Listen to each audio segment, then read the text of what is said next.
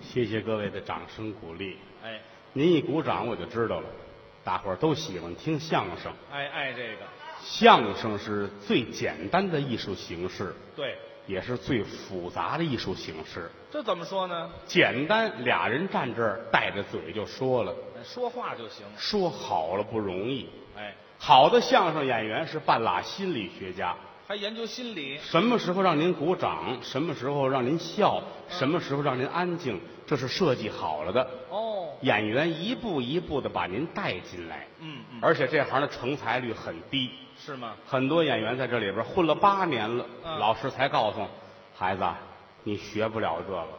哦，这才告诉。还有更惨的呢，还有什么于老师到现在我们都没告诉他，嗯啊？我一直不适合干这个是吗？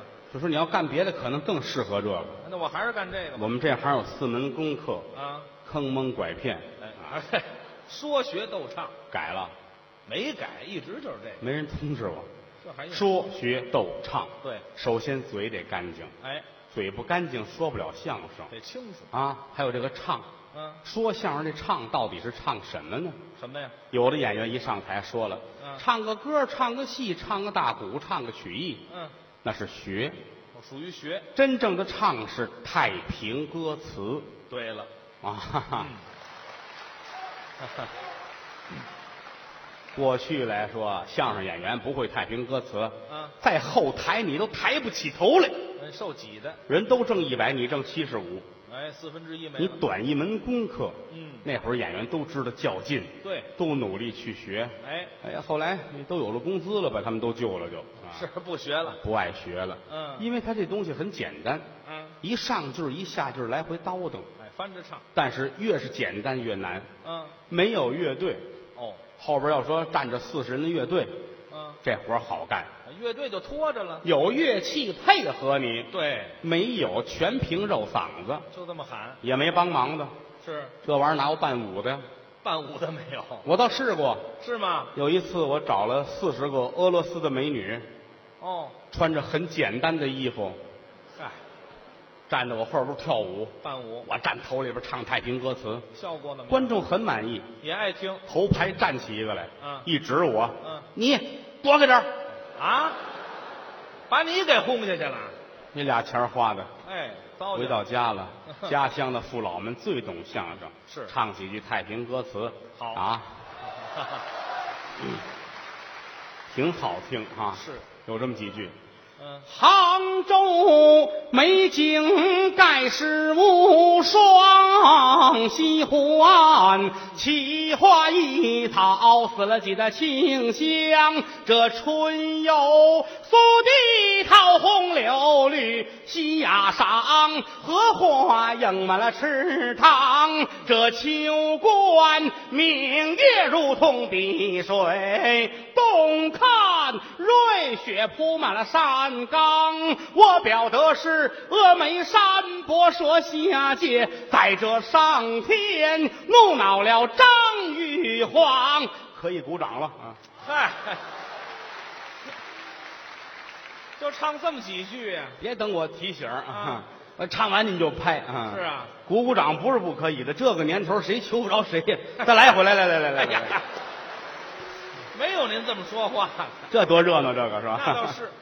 相声演员要多知多懂，对，都得去学。我涉猎一点。但是现如今我们这个曲艺不是很景气，是比如说很多形式现如今听不到了。要失传了吗？天津还是不错的，哦，你说京韵呐、西河呀、梅花啊、单弦啊、烙亭啊，这些还都有。都有人唱，出了天津，很多曲种就听不到了，没有了。很多曲种已经失传了。比如说比如说，过去北京有一种北京竹板书，竹板书，打着七块板唱故事，唱大书，长篇大书，嗯说一会儿唱一会儿，说一会儿唱一会儿，嗯这个现如今灭绝了，没有人唱了吗，没人唱了，哦，很好听啊，什么味道啊？一唱起来是这个味儿的呃唱，各位是愿意听啊，是愿意听啊，是愿意听啊。嗨嗨， 全程愿意听了吗？慢打毛竹，嗯书又归了本正，打起了我的竹板儿，树开正风是太监，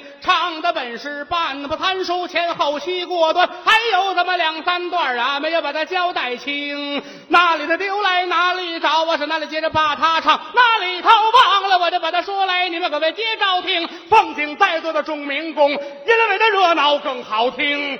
好，竹板书哎，这是竹板书，没人唱了。是过去还有一种小凤调，小凤调。就是北京的铁片大鼓，哎，这也好听。呃，另一个味儿的，嗯是好听。怎么唱？春雨折春经谷田，下满啊芒下，二叔相连，秋暑薄秋，寒霜降，冬雪雪冬，小大寒，春夏这个秋冬。分为了四季，清明这个佳节都把坟呐圆，死去的梁家的女儿孙祭奠，苦命这个妓女，何人把她可怜？嗯，哎哎哎哎哎哎哎哎哎哎哎哎哎！好，哎，这是小凤调。这段原来叫劝妓女。对了，后来改了名字了，叫劝于谦。是还哎没有啊 啊？改别胡说。这种铁片大鼓是北京的，哎铁片烙亭是一回事儿。是，咱们常说的烙亭啊，是咱们天津王佩臣先生那一派。啊那好听啊。到了河北烙亭地区，还有一种啊，嗯河北的烙亭，这什么味儿呢？另一股劲儿，再学学。浓郁的唐山风味，唱几句。特别好听。来来，头戴着白，身穿着孝，三尺麻绳啊系着他的腰，左手拿着那千张纸儿，右手拿着那浆水瓢。男人烧纸画十字儿，妇的人家烧纸的画元包，画了一个元包有金盆那么大，留了一个口儿把这西南冲着，怀中取出了三宗宝，火绒火石火镰包，蹭噔儿咚噔儿打着了了，我这挥手就把这个指点着，火花白纸把青眼猫跪在了地上就哭嚎啕啊，哭了一声天儿，我叫了一声爹儿，我哭了声，婆婆的儿子，丈母娘的姑爷，大白子的兄弟，小叔子的哥哥，大爷子儿的妹夫，小爷子儿的姐夫，我的女婿怎么死啊了？ 哎呀，还挺诙谐这段。很好听，但是咱们这边现如今很少能听到。嗯，还有一种曲种，现如今在天津不容易听到，还有那种东北大鼓。东北的。东北大鼓过去也叫辽宁大鼓，哦是是在东北各地分出多少种流派来，哦跟地域有关系。好唱起来有浓郁的东北气息。您再唱几句这个。有一段叫做《剑阁闻铃一针飞》，东北大鼓唱跟京韵是俩味儿的，是吗？好听。咱们学几句东北大鼓啊。哎，唱几句。叹君王万种的凄凉，千般的寂寞，一心似醉，两泪双倾，啷的啦隆的咚，愁默默，残月小星，出岭绿，路迢迢，涉水登山，哪管经？好容易盼到了行宫，歇歇卷体，偏遇着冷雨凄风竹残，情里个隆的咚，间隔中有怀不寐，堂天子听窗而外不住的叮咚作响，声里个隆的咚，忙问道外面的声音却是何物也？高丽是到林中的雨点和那檐下的金铃啊！ 啊啊啊啊啊啊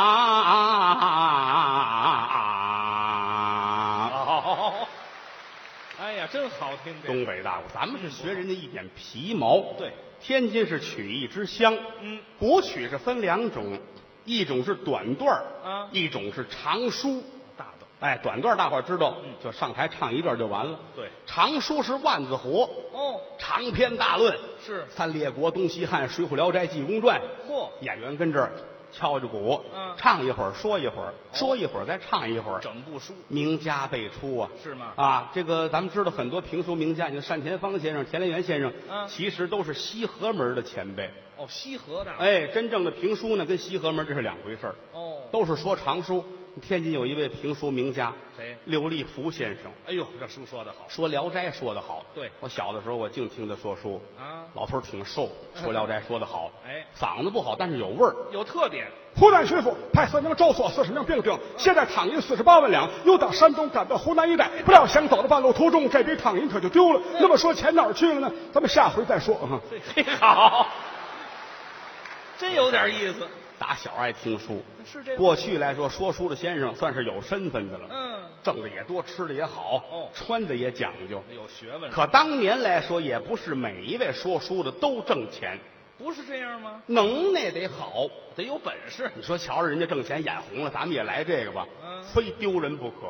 这不行啊！比如说他的父母这怎么又说起我来了？万变不离其宗啊，哎，哦，就是我，。最后咱们也得绕到你这儿来啊这好嘛？大伙哦怎么儿着？不是很了解于老师，啊，于老师的父母也算是我们曲艺界的边缘人士，怎么还边缘人士？哎，他父亲母亲都是老北京人对，啊，打小他父亲也学过弹弦儿，他也喜欢这个，弹的不错是啊，反正是大把抓狗挠门啊，啊，呱啦狗呱，啦呱啦呱啦，嗯，比齁都难听。嗯，是，他母亲也好唱，也哎大鼓，唱的也不好听，嗯，但是两口子得吃饭呢，啊，对呀，坐在屋里商量这个事儿啊。生活他父亲很着急啊，老北京人是最要脸面的了，就是但到这会儿顾不了了。啊两口子商量事儿，怎么说的父亲说啊，：“事到如今，你看这个事儿，我是没有办你法啊先，。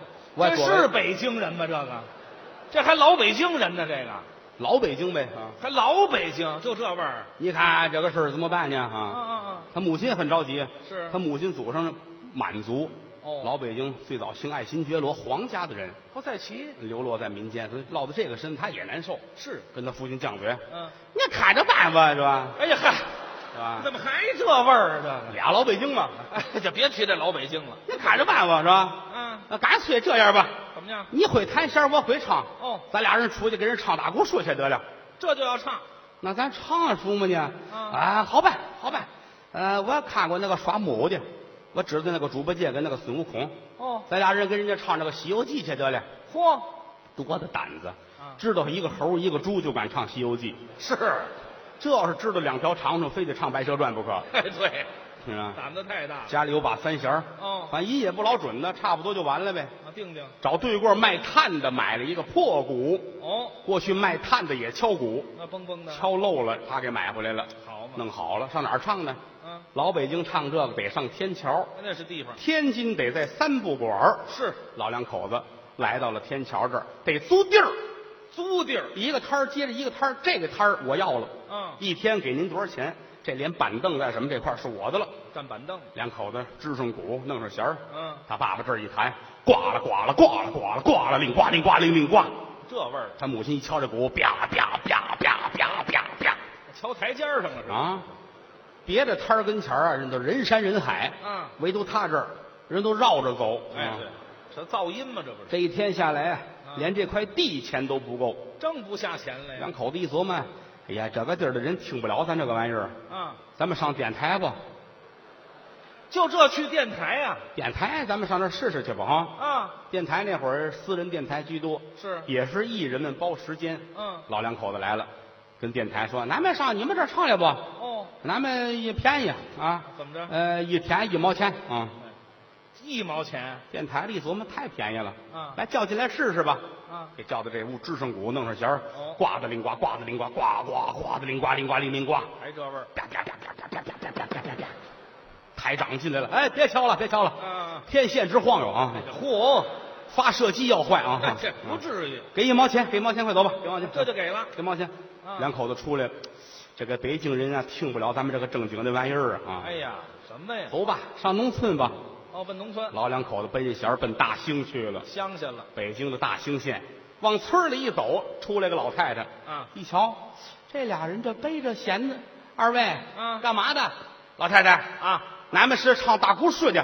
嘿呵，嚯，大鼓书，嗯什么大鼓啊？嗯咱们是唱北京大鼓的。哎呀呵，嚯，北京大鼓，啊，这味儿比我还切呢 啊！哎对，听着就不是真话。多少钱呢？嗯，呃，没多少钱。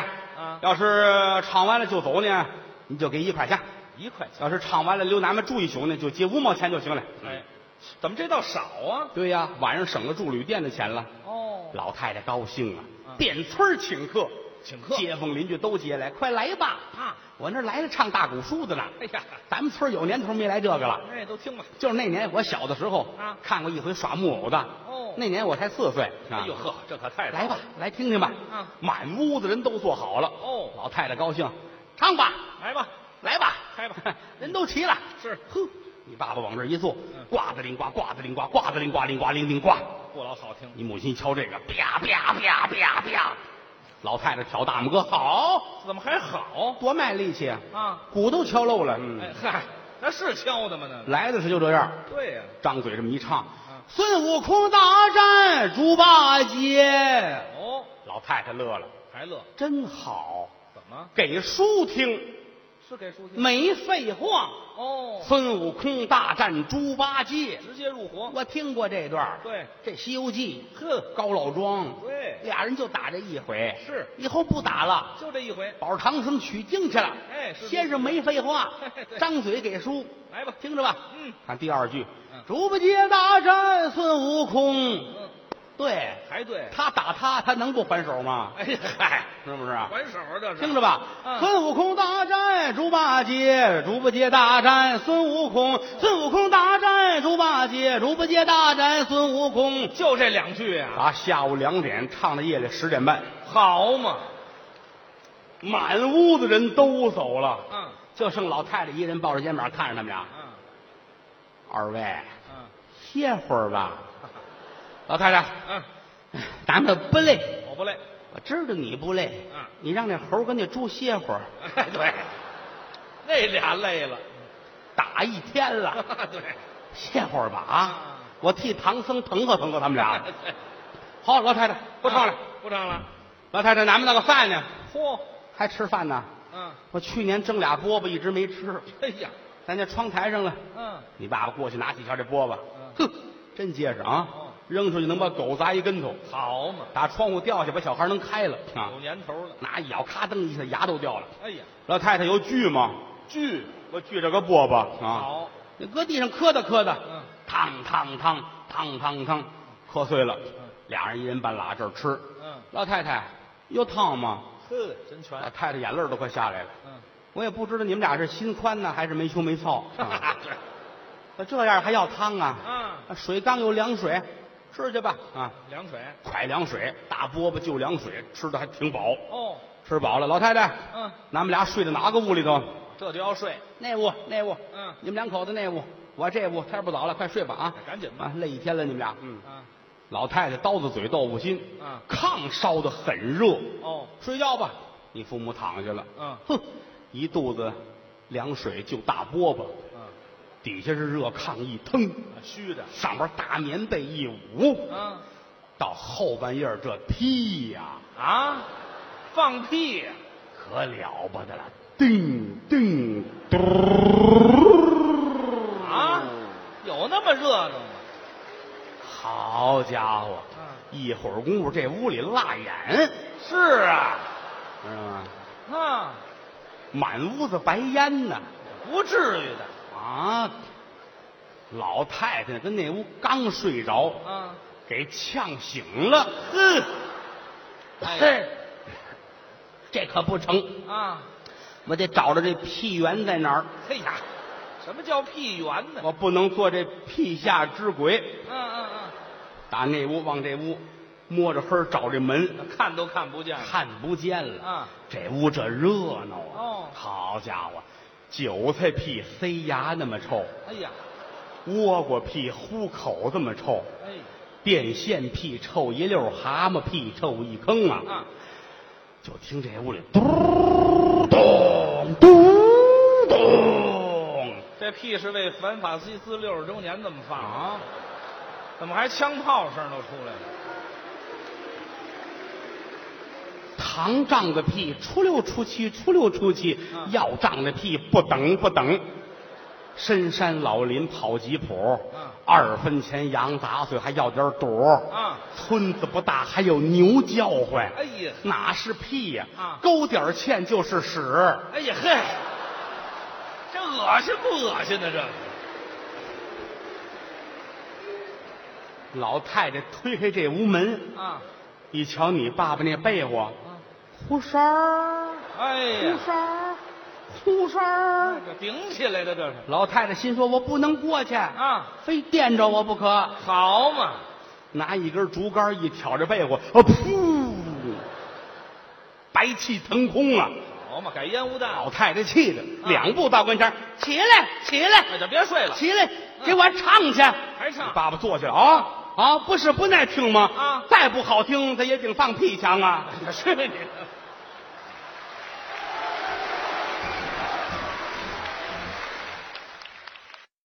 感谢您的收听，去运用商店下载 Patreon 运用城市，在首页搜索海量有声书，或点击下方链接听更多小说等内容。